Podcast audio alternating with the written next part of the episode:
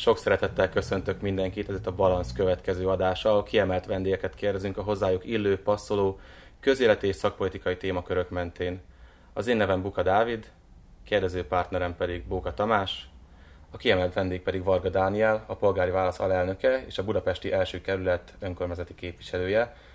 Dani, nagyon köszönöm, hogy elfogadtad a meghívásunkat, és nem is szaporítanám tovább a szót. Arra lennék kíváncsi, még mielőtt a polgári válasznak a, a szervezeti kérdéseibe, vagy a ti értékvállalásaitokba belemennénk, hogy te személyesen mikor kezdtél el érdeklődni a közélet és a politika iránt.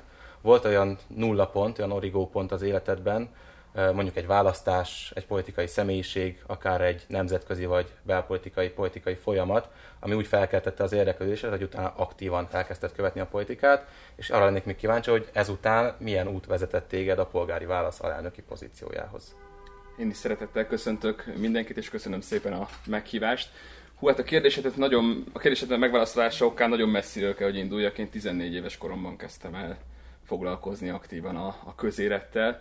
Ez így nagyjából egybeér a középiskolás éveimmel, engem már akkor is érdekelt a politika és a helyi közélet. Én Vas megyéből származok, a Vas megyei Csepregről, és a, az ottani politikába szóltam be először. Annak idején még a Jobbik táborát erősítettem, és tettem ezt így egészen addig az omlózós pillanatig, amikor Bencsik Jánossal gyakorlatilag közösen kiléptünk a Jobbik Magyarországet mozgalomból, tehát mögöttem van egy tíz év jobbikos politizálás, és gyakorlatilag azt kell, hogy mondjam, hogy már a 2009-es EP kampány az volt gyakorlatilag az első olyan esemény, amikor mint politikai aktivista részt vettem, és, és alakítottam ott a helyi, helyi közéletet. Aztán nekem a csúcs, vagyis az első nagyobb lépés az a 2016-os Csepregi időközi választás volt, amikor egyedüli ellenzéki képviselőként bekerültem a Csepregi döntéshozatalba.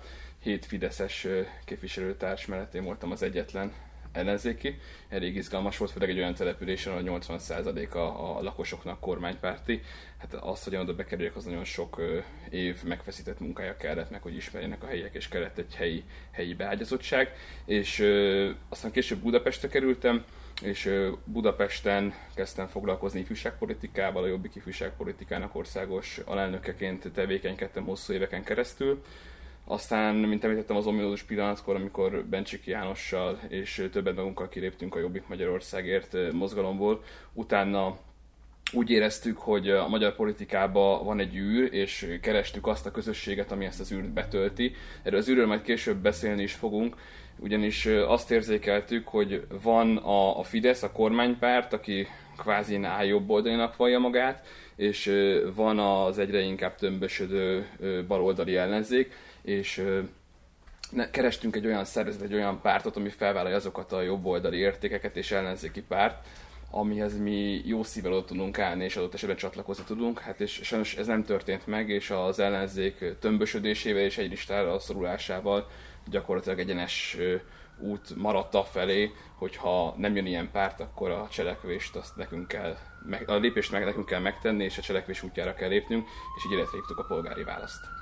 Igen, ahogy így hallgatlak, azt, azt veszem észre, javíts hogy a lokális politika, ahonnan te indultál, és most jelenleg is ugye önkormányzati képviselőként ebben vagy érdekel, hogy egy, egy, egy pártnak az alelnökeként nyilván globális politikai kérdésekkel is foglalkoztok. Engem még itt a, a kezdetekhez visszamenve az érdekelne, hogy mert erről nem beszélt, hogy a Jobbikhoz hogy kerültél közel? Tehát ezek interpersonális kapcsolatoknak köszönhető volt? Tehát, hogy jobb voltál esetleg a Bencsik Jánossal, vagy valamilyen jobbikos emberrel, képviselővel, és egyébként is tenni akartál a közért, és hát így volt a legegyszerűbb, vagy volt egy politikai állásfoglalásod, értékfoglalásod, ami mentén csak a jobbikban lehetett politizálni? Hát igazából a családból hoztam magát a jobb oldali értékrendet. Nekem édesapám, meg úgy nagyjából az egész családom nagyon sokáig Fideszes szavazó volt, mint sokan mások Magyarországon, és hát 2006 után a 2006-os események tükrében változott meg valami, és akkor a család is elkezdett más politikai alternatívát keresni, és nyilvánvaló volt, hogy olyan ellenzéki közösséget keres magának az ember, ami a családból hozott jobb oldali értékekhez, de inkább közel, és akkor ez a jobbik volt. És uh, igazából arra lennék még kíváncsi, hogy tehát nyilván ugye a Jobbik ebben az időszakban egy radikális uh, nemzeti pártnak volt mondható, és ez a változás, ez lényegében benne, hogy a polgári, hogy a polgári Magyarország a gondolata az, az merőben eltér attól a, a politikai állásfoglalás, mint mondjuk a Jobbik képviseltekkor. Hogy ez a változás, ez benned mikor történt meg? Ugye azt, hogy a Jobbiktól mikor váltál le, azt, azt értem, hogy az mikor történt, de ez, ez az értékbeli változás, ami a polgári Magyarországot a, a, a nemzeti radikalizmus elé helyezte, ez mikor és hogyan történt? Nézd, meg? itt arról beszéltél, hogy lokális politika, lokális politikus valóban nagyban eltér a helyi politika az országostól, és ez a radikális vonal, amit adott esetben a kezeti jobbikot jellemezte, ez helyben nem jelent meg olyan erősen. Tehát a jobbik azért lehetett helyben sikeres, és én is azért lehettem adott esetben sikeres képviselő, és azért választottak meg, mert meghallgattuk az emberek problémáját, segítettük nekik, megfogtuk a kezüket, és nem engedtük el. És nem csak a választások és a kampányok idején, hanem az egész ciklus folyamán foglalkoztunk az emberek problémájával, és azok a kérdések, amikkel adott esetben a Jobbik országosan foglalkozott, az mondjuk Csepregen nem kristályosodott ki ilyen mértékben. Most mondok egy konkrét példát, Például én szám szerint tudom, hogy nekem 2016-ban rengeteg cigány származású szavazón volt, akik számíthattak rám, és segítettem és támogattam őket. Tehát helyi szinten a hangsúlyok teljesen máshova tolódnak, és hogy már a lokál patriotizmus, meg a helyi politika és az országos politika összeegyeztethetőségét kérdezted, akkor ez egy nagyon fontos tényező, hogy valahogy az országos politikának is tanulni kellene a helyi politikusokból. Mert ha most megnézzük például Budapestet, számos olyan kerület van, hogy független attól, hogy az ellenzék vagy a kormánypárt nyer éppen egy országgyűlési választáson, de mondjuk 20-30 éve ugyanaz a helyi politikus van, és ennek, ennek egy oka van, és a helyi politika sok esetben képes az ideológiák fölé helyezkedni.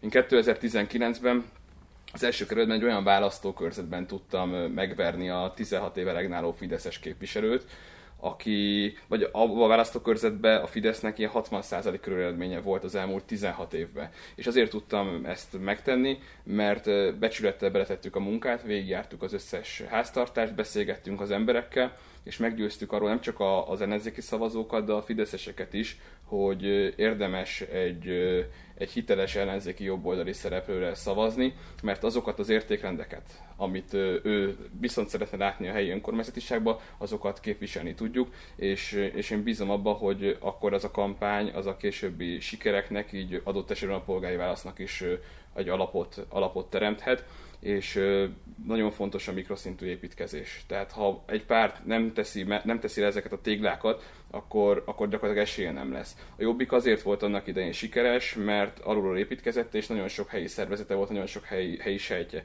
Én azt látom, hogy a mostani ellenzéki pártok, még összefogva is, nagyon kevés helyi emberrel rendelkeznek, főleg vidéken. Nagyon jó példa erre egyébként a Momentum, ami a kampányokat úgy szokta megoldani, hogy a budapesti tagságot logisztikázza és dobálja szét az ország számos pontján hálózat és struktúra nélkül, viszont nem lehet eredményt elérni. Igen, hát tehát jól értelmezem, ez a, ez a tipikus bináris megfogalmazása a dolognak, amit, amit itt elmondtál, hogy az, hogy jobbra vagy balra kanyarodik a villamos, az nem jobb oldali vagy baloldali kérdés, hanem egy egyszerű lokális kérdés, amit meg kell oldani. Tehát akkor lényegében most nem, nem, nem tudom, hogy, hogy jól veszem ki a, a szavaidból, hogy nem is foglalkoztál a Jobbiknak az ilyen ö, országos, globális alapvetéseivel, hogy benned ilyen változás létrejöjjön, és amikor már ugye foglalkozni kezdtél a, a Bencsik Jánossal a polgári válaszban, akkor már nem is kellett hoznod neked semmit, hanem alapvetően úgy gondolkodtál, amit ti most vallottok. Hát alapvetően, amikor én a Jobbikban mondjuk fejebb kerültem, akkor már elindult a néppártosodásnak nevezett folyamat, tehát én már abba, abba kerültem bele, és amikor mi onnan kijöttünk, akkor már az a polgári értékrend az kialakult bennem is, és mondom, a családból is ezt az értékrendet hoztam, tehát erre lehetett aztán építeni. Uh-huh, értem. És uh, hogyha mint a polgárosodásnál és a, a polgári Magyarországnál tartunk, uh, arra lennék egész kíváncsi, hogy szerinted egy társadalomban mind individuális és mind kollektív szinten mit jelent az, hogy polgáros társadalomról beszélünk, ugye az egyéni szintre lebontva, amit a társadalmi működésre lebontva, uh, ez mit jelent szerinted, szerintetek? És milyen hiányosságai vannak Magyarországnak ebben a tekintetben. És akár, hogyha gondol történelmi kontextusban is helyezheted, mert nyilván érdemes, hogy ez, ez hogyan alakult ki. Hát maga a polgárosodás történelmi kontextusban egy elég merőben más, mint mondjuk most, amit a polgári válasz erről gondolt. Tehát azért a középkori Magyarországon magyar polgárok nem is igen voltak, csak a német városi polgárokat neveztük ugye polgárságnak, de szerintünk és a polgári válasz szerint a polgárosodás az nem személyébe jelenik meg, mint ahogy a, a magyar sem az, aki, aki mondjuk az édesanyja és édesapja magyar, hanem aki annak vallja magát, és, és, és úgy él, és úgy gondolkodik, tehát ő már magyar, és a, a polgár is az valahogy onnan indul, hogy aki úgy él és úgy gondolkodik, hogy a polgárosodás érdekének megfeleljen, akkor azt, azt mi polgárnak tekintjük és polgárnak minősítjük, és ahhoz, hogy ezt megértsük, az, azt kell látni, ami a polgári válasz alapító gondolata is volt, hogy mi azt szeretnénk, hogy ne egy atyáskodó és az emberek helyett minden kérdést eldöntő állam és kormányzat legyen Magyarországon, hanem egy olyan Magyarországot szeretnénk, ami lehetőséget nyújt az, a polgároknak ahhoz, hogy ki tudjanak teljesedni, tehát egy eszközt ad a kezükbe, és nem végzi el helyettük a, a, a munkát vagy a folyamatot, de ad mondjuk egy, ad mondjuk egy, egy kaszát, hogy a rétet le tudja, le tudja kaszálni, de nem, nem kaszálja le helyettük. Tehát nem, nem a segélyezés társadalmát szeretnénk, hanem az öngondoskodást szeretnénk elősegíteni, ugyanis azt látjuk, hogy sajnálatos módon a mai Magyarországon, és a rendszerváltás óta ez, ez gyakorlatilag igaz, hogy a társadalmi határok azok eltolódtak. Tehát nincs Magyarországon egy erős középosztály.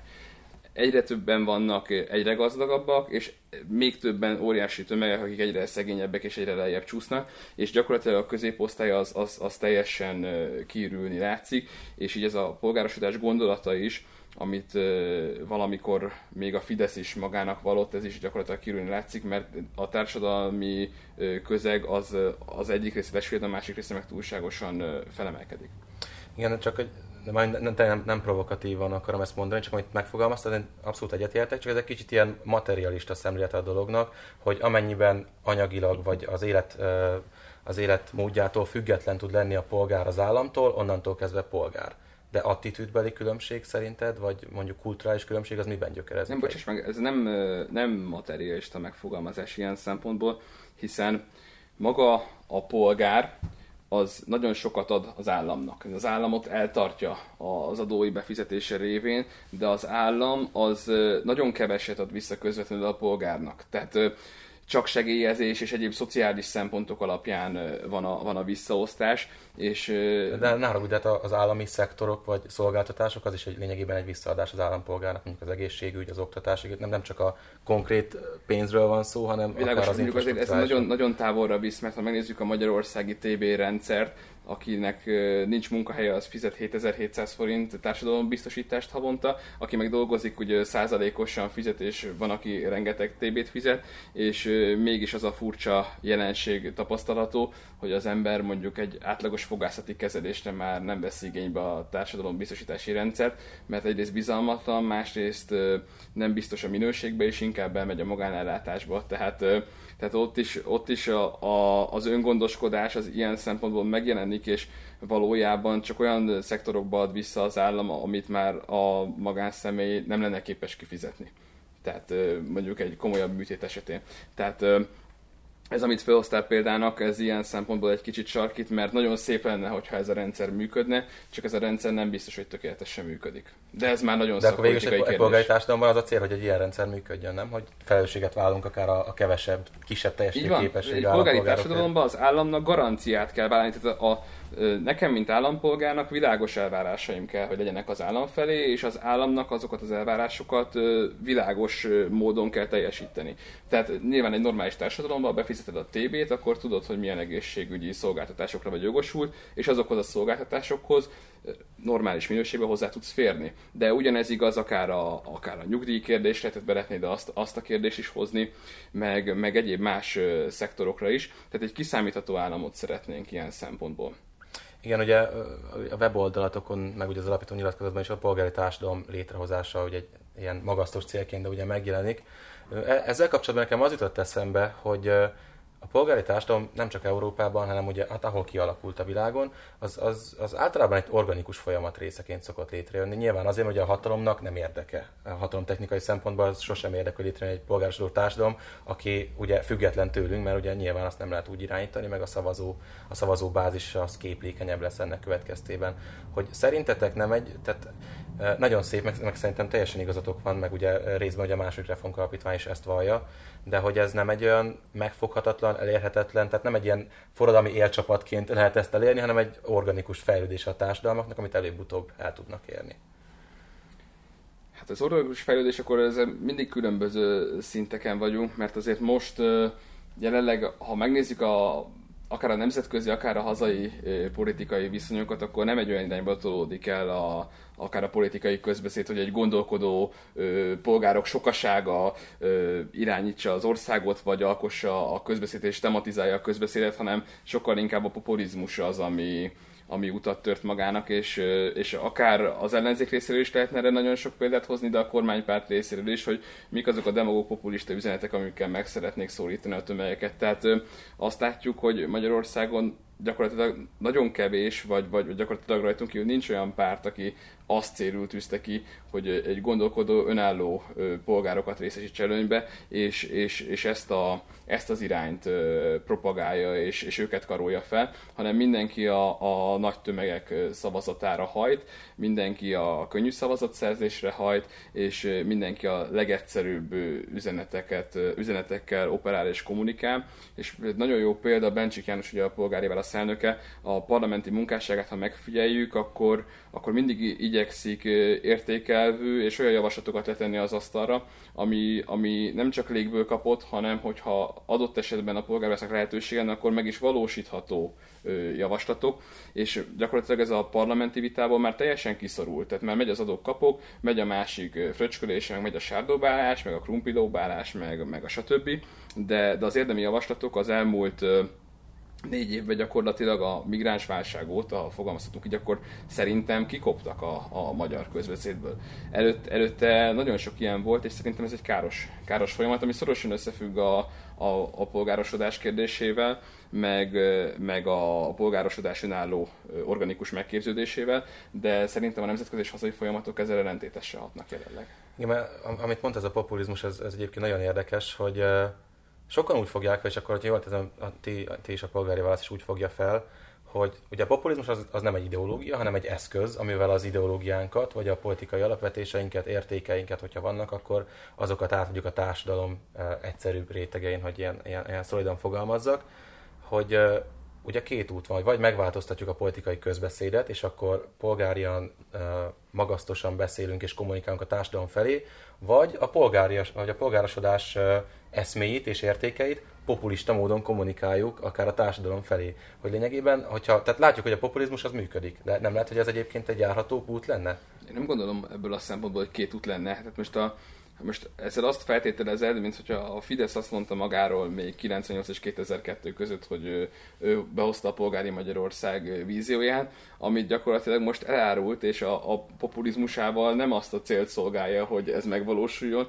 Hát G. Fodor Gábor pont egy partizán interjúban... Ne, ne, ne, az, ez teljesen jó, nagyon örülök, hogy ezt a 2002-t. Tehát nem az volt pont a Fidesznél, hogy 2002-ben rájöttek, hogy választást nyerni így megint nem lehet, és populizmussal meg lehet, és hát hatalom technikai szempontból. Kezdték, kezdték el megszervezni a polgári köröket, az ott valami eltörött, ezt nyilván a, a fideszeseket kell megkérdezni, hogy mi törött el náluk, de mondom, az egy nagyon érdekes momentum volt az elmúlt időszak közbeszédjének, amikor a Partizán című műsorban Géfodó azt mondta, hogy a polgári Magyarország gondolta, hogy nyugodtan ki lehet dobni. Tehát körülbelül a Fidesz ez, ez, ez, gondolja, ez gondolja erről, és, és a, a saját, saját termékét, amit ő kitalált, bebizonyította, hogy ez csak egy politikai termék volt, és egy politikai cél, tehát ezt nem gondolta, nem gondolta komolyan.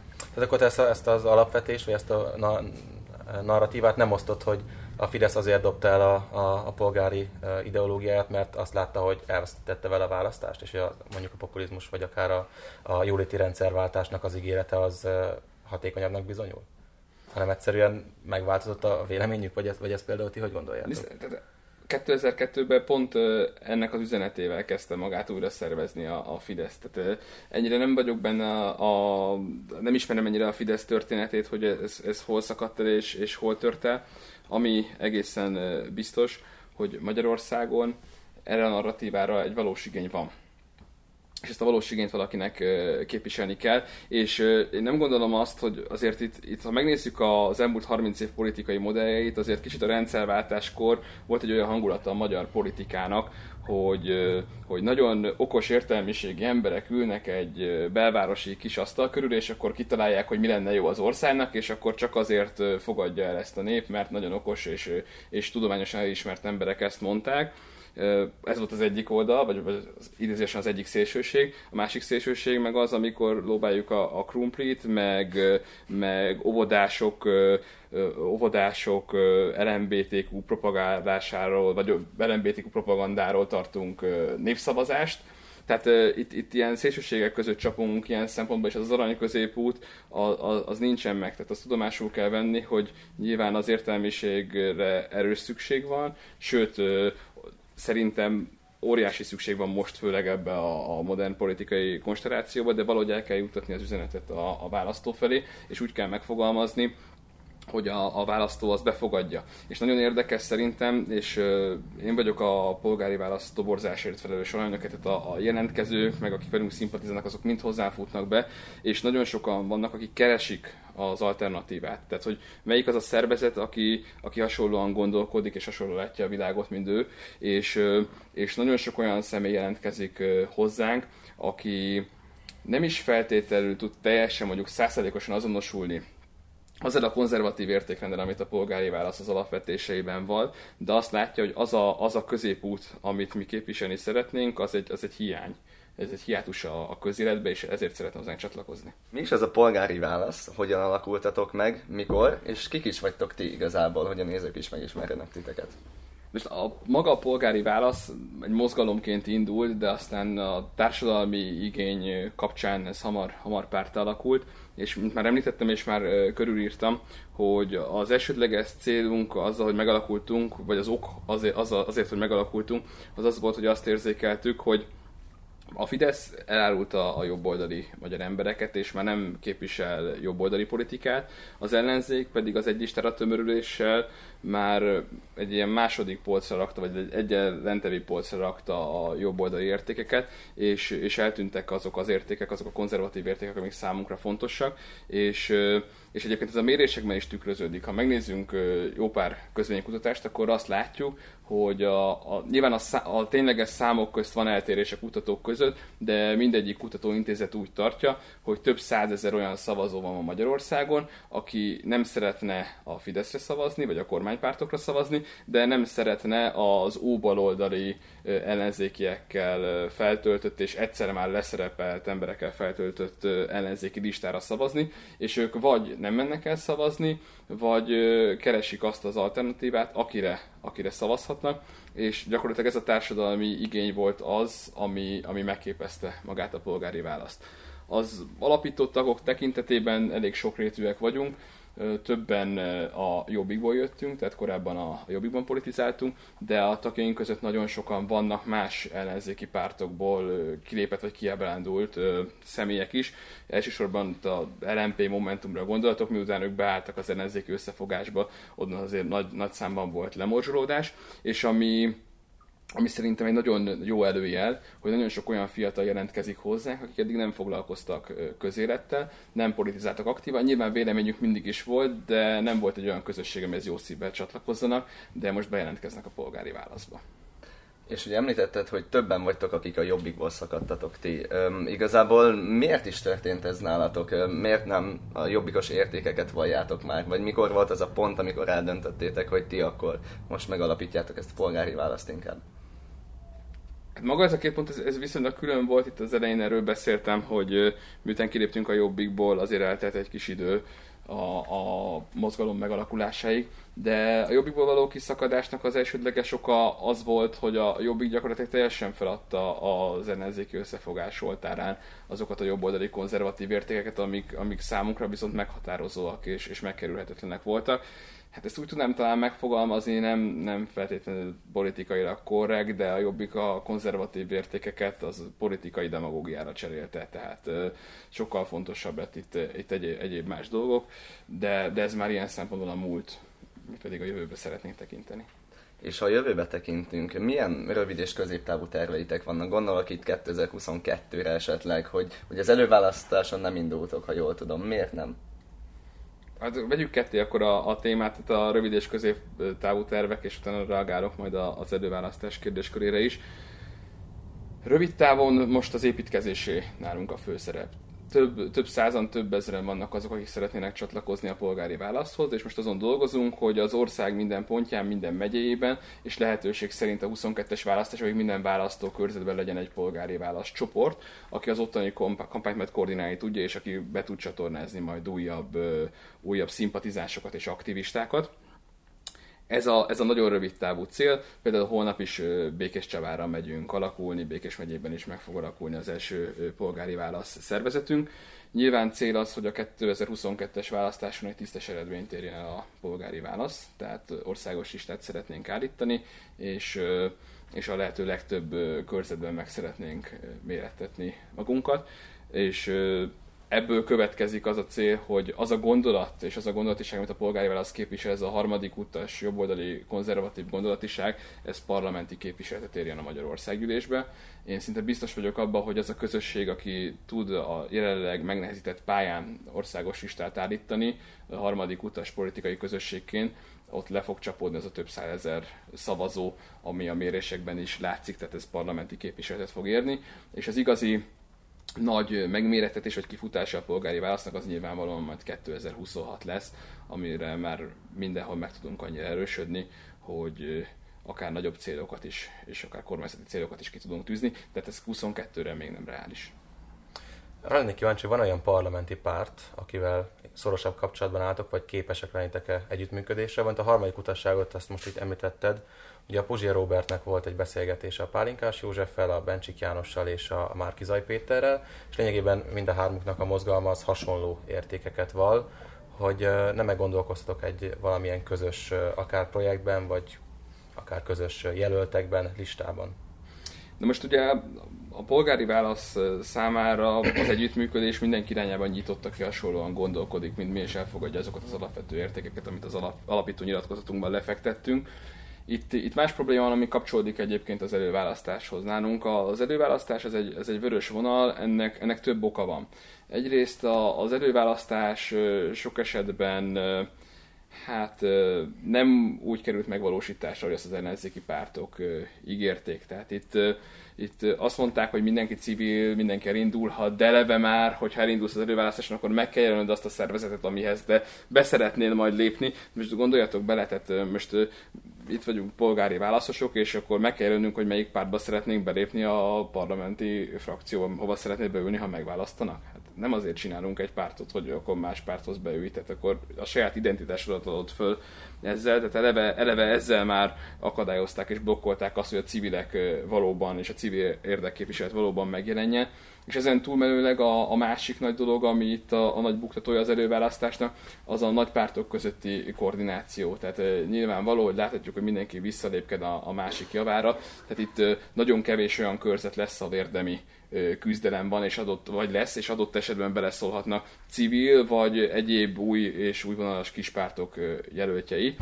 Szóval eleve ez a, ez a pálya szintén eléggé lejtős, ahogy egyébként a Fidesz is lejtősre rajzolta a saját választási rendszerét és az együttműködés kapcsán ugye itt a nagy, nagy vörös vonal szintén az az, hogy ki az, aki az előválasztásban és az ellenzéki együttműködésben képzeli a jövőjét. Jelenleg a pálinkás professzor úrféle új világ néppárt ugye részt vesz, és markáns része ennek az előválasztási folyamatnak és, és Márki Zaj Péter is, holott nagyon sok mindenben egyetértünk, de, de itt van alapvetően köztünk nézetkülönbség, ugyanis mi úgy gondoljuk, hogy polgári, jobboldali, konzervatív emberként hiába mondjuk a pálinkás professzorék mondjuk bekerülnek a parlamentbe, de a hangjuk az a, a nagy baloldali tömbbe az egyszerűen elvész és nem lesz érdekérvényesítő képessége ennek a gondolatnak. Ennek a gondolatnak csak úgy lehetne érdekérvényesítő képessége, hogy önállóan képes erőt felmutatni. Szóval mi nem szárkózunk el ilyen szempontból semmitől, de, de egy olyan ö, utcába léptek be ezek a pártok és szervezetek, ahova nem tudjuk őket követni. Aztán említetted ezt a vitát, ott eleve érdekes volt, hogy már Kizaj Péter olyan dolgokat feszegetett, hogy hogyan lehet elszámoltatni 50 plusz 1 százalékkal.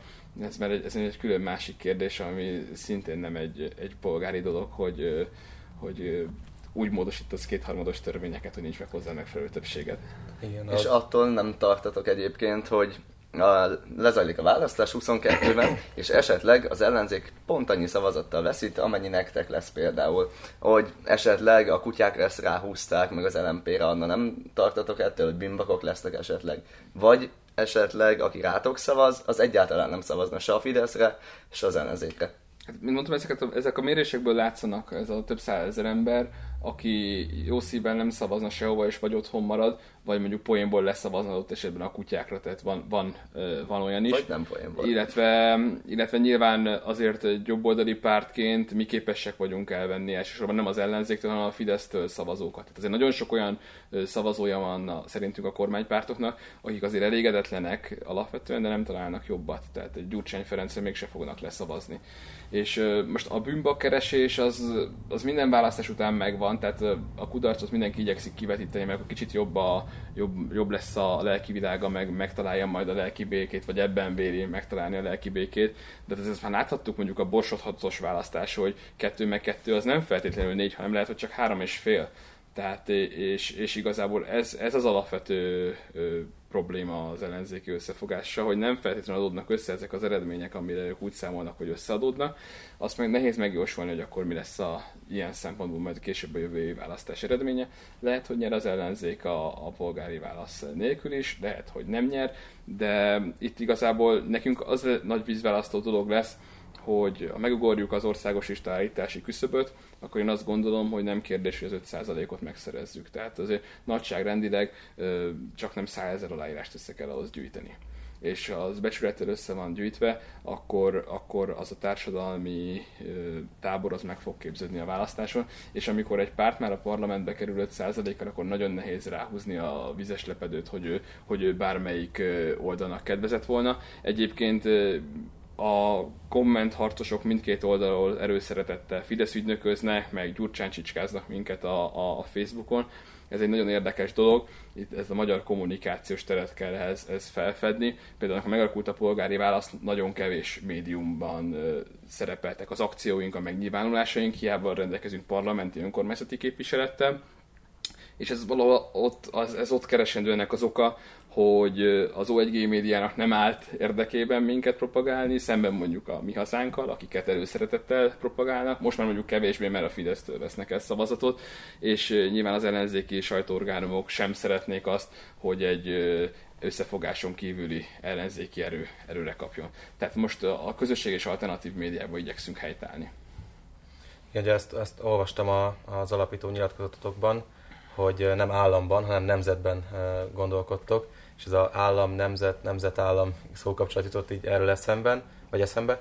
Az Unióról nem nagyon olvastam véleményt, legalábbis a weboldalatokon, meg az alapító nyilatkozatban. Javíts ki, hogyha esetleg van is a, a kedves nézők, azok, azok találnak hogy több Európában, vagy kevesebb Európában gondolkodtok, és hogy a konkrétan ez mit jelent nálatok. És erre az alapító nyilatkozatnak azért szűkösség a határai, lesz majd egy választási programunk, részletesen ki lesz fejtve egyéb szakpolitikai, így a külpolitikai és az uniós, uniós kérdés is. A, amit fontos leszögezni, hogy a polgári válasz az a nyugati szövetségi rendszer mellett elkötelezett. Tehát ez szerintem egy fontos kiindulási alap az unióhoz való viszonyunk kapcsán is, és nyilván az uniós tagság mellett is ilyen szempontból elkötelezettek vagyunk, viszont azért azt, azt látni kell, hogy mind a baloldali, mind a, a fideszes kormányok is elkövettek itt történelmi bűnöket a, az Unió Magyarország viszonylatában, hogy mit értek itt ez alatt. Hát mondjuk az elmúlt száz év, vagy a jövő elkövetkező száz év történelmi lehetősége az Magyarországon térkövekben és betonban van. Tehát eleve mi az uniós források felhasználását teljesen másképp másképp döntenénk róluk, mint ami az elmúlt 20 évben Magyarországon tendencia volt. Mert például nagyon szép, hogy a vidéki településeken és a szülővárosomban Csepreg is nagyon szépen megcsinálták a főteret uniós pénzből, de mindenki Ausztriába dolgozik, nincsen megfelelő ipar, az infrastruktúra az olyan, amilyen, és, és, és a valós dolgokra nem, nem fordított senki kellő figyelmet. Orbán Viktor is, volt az egyik mondata, hogy ne azt figyeljék, amit mondok, hanem amit teszek. Ugye ezzel üzent az Uniónak, ő is gyakorlatilag egy kettős játékot folytat, mert mindeközben még bírálja az Uniót, százszerzalékosan kiszolgáljuk a, a német, német nagytőkét, meg úgy nyilván ő még keletre is közbe-közbe kikacsingat. A, az ellenzék meg gyakorlatilag azt csinálta 2010 előtt az óbalold ellenzék, hogy mindent egy az egybe behozott és be, betelepített az unióból az összes gondolatiságot, gyakorlatilag kritika nélkül, tehát egyik irány sem jó. Tehát itt egy arany középutat kell, arany középutat kell megtalálni, nyilvánvaló, hogy a nemzeti uh, szuverenitásunkat nem feladva, meg a kultúránkat nem feladva, de az uniós pénzeket igénybe véve a megfelelő helyekre csoportosítva a, a magyar nemzetgazdaságot, a munkahelyeket, az egészségügyet, az oktatást felvirágoztatni. Ez egy, ez egy fontos uniós cél szerintünk és, és a keleti, keleti dörgölőzést pedig azt, azt illene azért lassan kiséjegelni, mert, mert azért bizonyos helyzetekben nagyon ciki, főleg nemzetközi porondon. Akár felhasználnak a fudánt, vagy egyéb más kérdéseket. Igen, csak azért is kérdezem, ezt, ezt tök jó, hogy ezt a, ezt a keleti dörgölőzést ezt felhozod, mert egyébként ugye létezik egy ilyen narratíva, ami ugye geopolitikai szempontból részben megalapozott, hogy Magyarország az elhelyezkedését tekintve kompország, kelet és nyugat között. Tehát szerinted ezt az alapvetést vagy narratívát ezt el kell vetni, és csak a nyugathoz, és mondjuk a kelettel kizárólag gazdasági kapcsolatokat érdemes fenntartani, vagy el kell fogadni ezt az elhelyezkedésbe adódó problémáját, vagy lehetőségét Magyarországnak, és kihasználni. Hát igen, ez inkább lehetőség kellene, hogy legyen, de nem feltétlenül tudtuk kihasználni ezt. Hát az elmúlt száz évet veszük, akkor azt nagyon jól látjuk, hogy mennyire, mennyire nem, nem sikerült és végül ugye nyugatod dobott minket a, szintén a keleti, keleti szférának de a szomszédos országnak azért viszonylag egész jól megy. Tehát azért az elmúlt 20 évben lehagyott minket Szlovákia is. Szlovákiában már euró van, a magasabbak a, magasabbak a bérek. Tehát én azt gondolom, hogy a kompország szerepünkből inkább lehetőséget kell látni, és és azt le kell vetkőzni a, azt, hogy most épp ezt, ezt a kicsik vagyunk politikát, mind az unió irányában, mind, mind a keleti, keleti partnerek irányában. Azért a globális felmelegedés kapcsán a mezőgazdasági termékeink, meg az iparunk azért ilyen szempontból szerintem felértékelődik, ami egy jó tárgyalási alap lehet a, a jövő magyar külpolitikájában.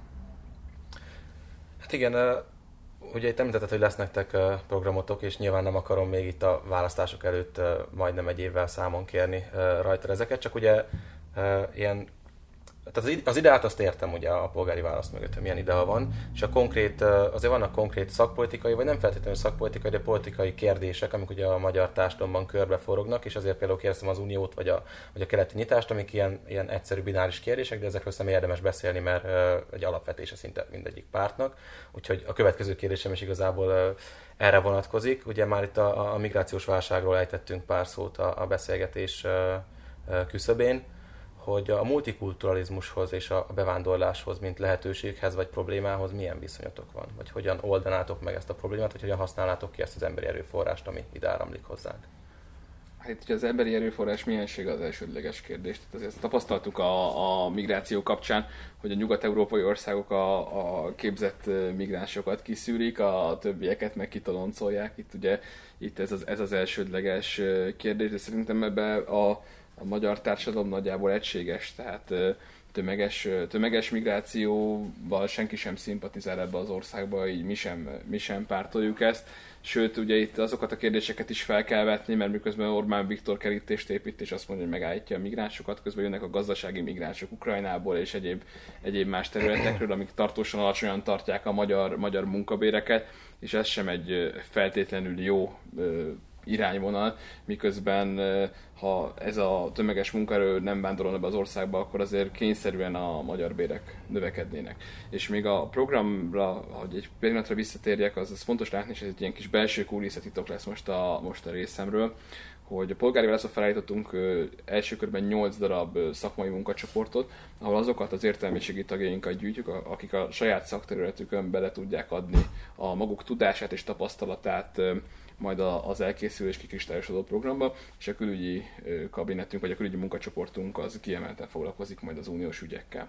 És ezt, ha nagyon nem indiszkrét kérdés elmondanád, hogy milyen, tehát külügyi kabinet, és mi még a másik hét?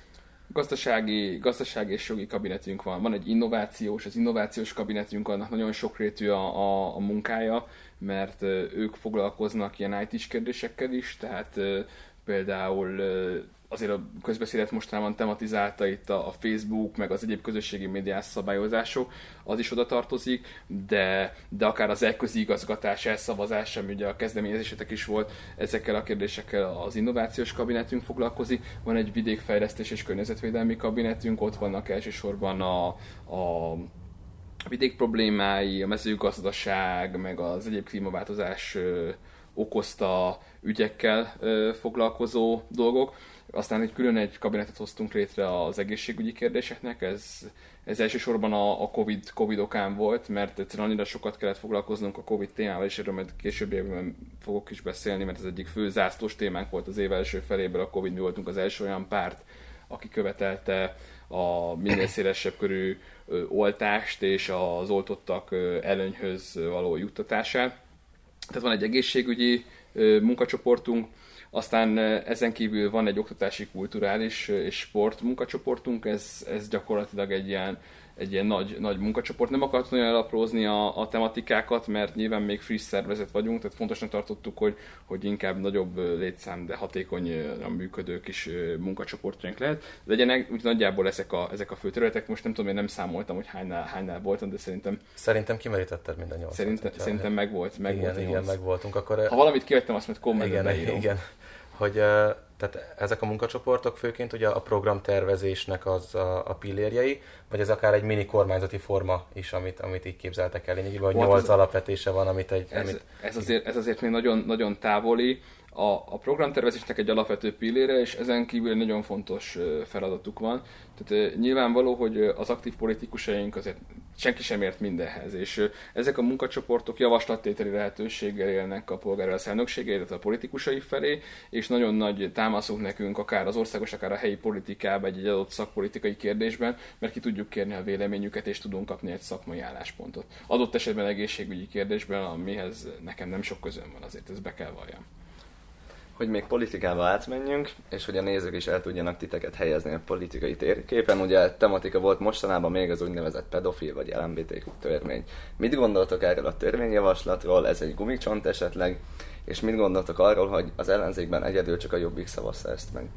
Most alapvetően ez a törvény szerintem ez egy vitaképtelen tákolmány. Tehát a, most értem el lett, hogy a, hogy a, a pedofil ügyet, amiben szerintem Magyarországon nincs olyan ember a pedofilokon kívül, aki ne értene egyet, hogy az, az súlyosan, vagy szankcionálni kell, meg, a, meg az LMBTQ kérdés azt egyben mosta. Tehát ez, ez Orbán Viktornak az új rezsicsökkentése. Most, hogy miért azt mondom, hogy rezsicsökkentés, mert 14-ben rezsicsökkentés volt a kampánytéma, aztán a migránsválság lett a kampánytéma, most meg, a, most meg az LMBTQ kérdés az egyik kampánytéma, amit látjuk, hogy a népszavazással azzá tesz. Ennek az az elsődleges cél, hogy mobilizálja a vidéki szavazóbázist, aki, aki alapvetően kevésbé, kevésbé elfogadó ezen közösség irányába, de mondom az az alapvetés, hogy az a, az a két téma egymásba erőszakolása, ez, ez alapvetően egy rossz irány, és ezen nincs mit vitatkozni. Mert, mert, mert egyébként, ha innen nézzük, akkor a, a pedofilok elleni fellépés lehetne akár határozottabb is, és, és, és drasztikusabb is. A, a másik kérdés, meg maga a népszavazás is így az LMBTQ kérdésről, az meg, ott meg, meg eleve a kérdésfelvetés is rossz, meg, tehát most, bocsánat, de nekem ez jutott eszembe, amikor elolvastam először a kérdéseket, hogyha szavaznom kell, hogy szeretném-e, hogy holnap elüssön a busz, vagy nem, akkor ki az, aki úgy szavaz, hogy igen. Értitek? Tehát ö, ö, ott eleve, eleve a kérdések is provokatívan vannak megfogalmazva, meg, meg maga az egész, az egész kérdés olyan, hogy, hogy ott is össze lett mosva ö, olyan dolgokkal, ami, a, a, ahol a, valahol nem téma, valahol meg pedig már témának kell legyen. Ugye a törvény azt mondja, hogy 18 év alatt ott, ott ez tiltja gyakorlatilag az LMBTQ propagálását, valahogy így van, igen, talán most nem tudom pontosan felidézni, de akkor ennyi erőben, akkor azonnal tiltsuk be Netflixet, tehát az összes, az összes műsorával együtt, meg most bocsánat, de egy 14 és 18 év közötti fiatalkorú azért már találkozik a szexualitásával, ő már foglalkozik ezekkel a, ezekkel a kérdésekkel, de ott is, ott is betiltjuk, holott a középiskolában azért a szexuális felvilágosítás az egy, az egy fontos dolog. Most függetlenül attól, hogy, hogy most akkor az illető meleg vagy hetero, ez ebből a szempontból teljesen mindegy, a, a, az alatt meg teljesen evidens, hogy senki nem beszélt ilyenekről, és, és, és, és, és nem volt Magyarországon ilyen, és senki nem is akarja behozni, és ez így, ez így van rendjén. De itt is ezt a két csoportot ezt összemosta, nyilván azért, hogy tudja tematizálni és hergelni a, hergelni a közvélemény. Tehát ti nem értetek egyet az érzékenyítéssel, hogy esetleg a fiatalabb korosztálynak az LMBTQ témákat kéne érzékenyíteni jobban? De hát pontosan azt mondtam most, hogy bizonyos korosztály között ez elfogadható. Öm, itt a 14 alattire gondolok.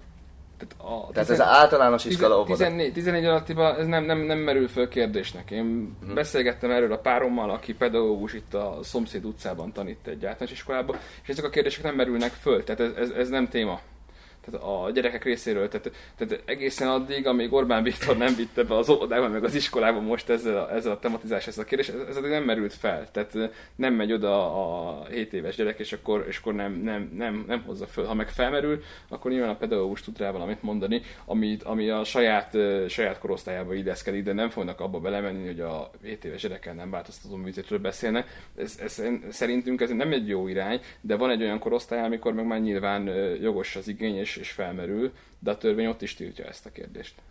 Hát igen, hát azt, azt kell ebben a kérdésben látni, és abszolút egyetértek veled, hogy, hogy, egy, hogy a szexuális serdülés alatt mindenféle szexuális tartalom káros egy gyerek számára, legyen az akár hetero, akár ö, LMBTQ tartalom, úgyhogy ez, ez, ez, ez ebben szerintem abszolút igazad van. Én arra lennék kíváncsi, hogy a Széchenyi István az ugye említve van többször is a, a, a nyilatkozatokban és a, a weboldalon is, hogy ugye a reformkorban az egy nagy, vagy hát az volt az alapvetése, hogy attól függetlenül, hogy vannak császárpártiak, vannak akik uh, szuverenitáspártiak, mi nem, nem ez, e mentén fogunk politizálni, nem ügyeket keresünk, ami mentén érdemes elhelyezkedni, legyen, legyen lánchíd, legyen lóverseny, legyen kaszinó, legyen hitel, hogyha már ilyen magasságban helyezzük magunkat, akkor nektek vannak ilyen ügyek, amiket úgy gondoltok, hogy, hogy független attól, hogy jobb vagy baloldali az ember, azt mindenképpen Magyarország fejlődéseként el kéne kezdeni felépíteni.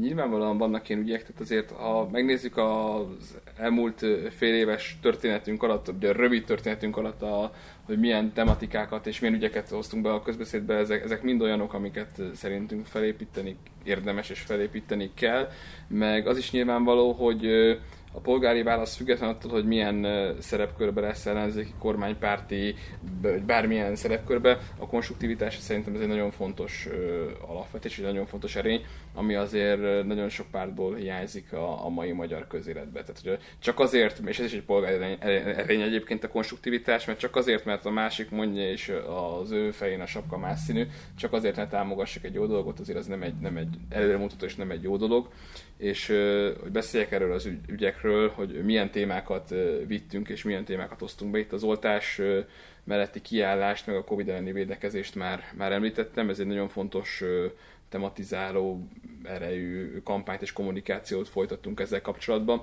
és most, ami az egyik zászlós hajónk, az a, az a közféra dolgozóinak a, a bérezésének ügye, ezen belül kiemelkedően a pedagógus bérezésekkel. Itt már az előbb említettem a mennyasszonyomat, és engedjétek meg, hogy hozzak egy személyes példát, de én nem gondolom azt, hogy meg a polgári válasz sem gondolja azt, hogy mondjuk egy fiatal, aki frissen kijött az egyetemről, elmegy dolgozni adott esetben tanítónak, és 150 ezer forinttal mondjuk a fővárosban boldogulnia kellene, mert, mert gyakorlatilag éhehalni is kevés. És ami, amit, a, amit a kormányzatok ebben a szférában csinálnak, is nem csinálnak, az, az egész egyszerűen nevetséges. Amikor egy pedagógus 1500 forint éves jutalmat kap, 1500 forintot, a, amit már oda se adnak neki, amikor, amikor, amikor választanod kell karácsonykor a között, és most lehet, hogy a párom, ha nézi majd ezt a, a műsort, akkor, akkor számon fog ezért kérni, hogy ezt elmondtam, de amikor választanod kell a között, hogy, hogy te fél kiló sajtot szeretnél, vagy egy kiló szaloncukrot karácsonyi prémiumként, azért az több, mint megalázó. És, és Magyarországon egy ilyen helyzet van, és akkor a, a Covid alatt megcsinálták azt, hogy azt mondták, hogy azt az 1500 forint jutalmat se adjuk oda, mert nincs rá pénz, miközben, miközben azért látjuk, hogy milyen mennyiségű pénz megy el egyéb, egyéb, egyéb dolgokra. Mi azt szeretnénk, a polgári válasz azt követeli, hogy a közféle dolgozóinak és különösen a pedagógusoknak is a mindenkori átlag bérhez legyen kötve a fizetése, ahogy egyébként a politikusoknak, az országgyűlési képviselőknek is ahhoz van kötve, és ez így lenne igazságos. Ez így lenne tisztességes, hogy, és így, így nagyobb figyelem hárulna a gyerekekre, és az oktatásra fordított pénz a sokszorosan, sokszorosan megtérül hosszú távon ennek ezerféle kimutatása van, mind gazdaságilag, mind társadalmi szempontból. Erre mi sokkal nagyobb hangsúlyt szeretnénk fektetni, és ez egy fontos zászlós programunk lesz, illetve még lesz a közeljövőben két olyan ügy, amit most még nem szeretnék spoilerezni, de hamarosan nyilvánosságra fogunk vele jönni, mivel tematizálni szeretnénk az országos közvéleményt. Említetted a két projektet, hogyan tudnak esetleg az emberek csatlakozni hozzátok, milyen követelmények vannak, vagy milyen formában kell ezt megtenniük? Hát az alapvető követelmény az, hogy 16 éves kort be kell tölteni, tehát 16 éves kor fölött van lehetőség hozzánk csatlakozni.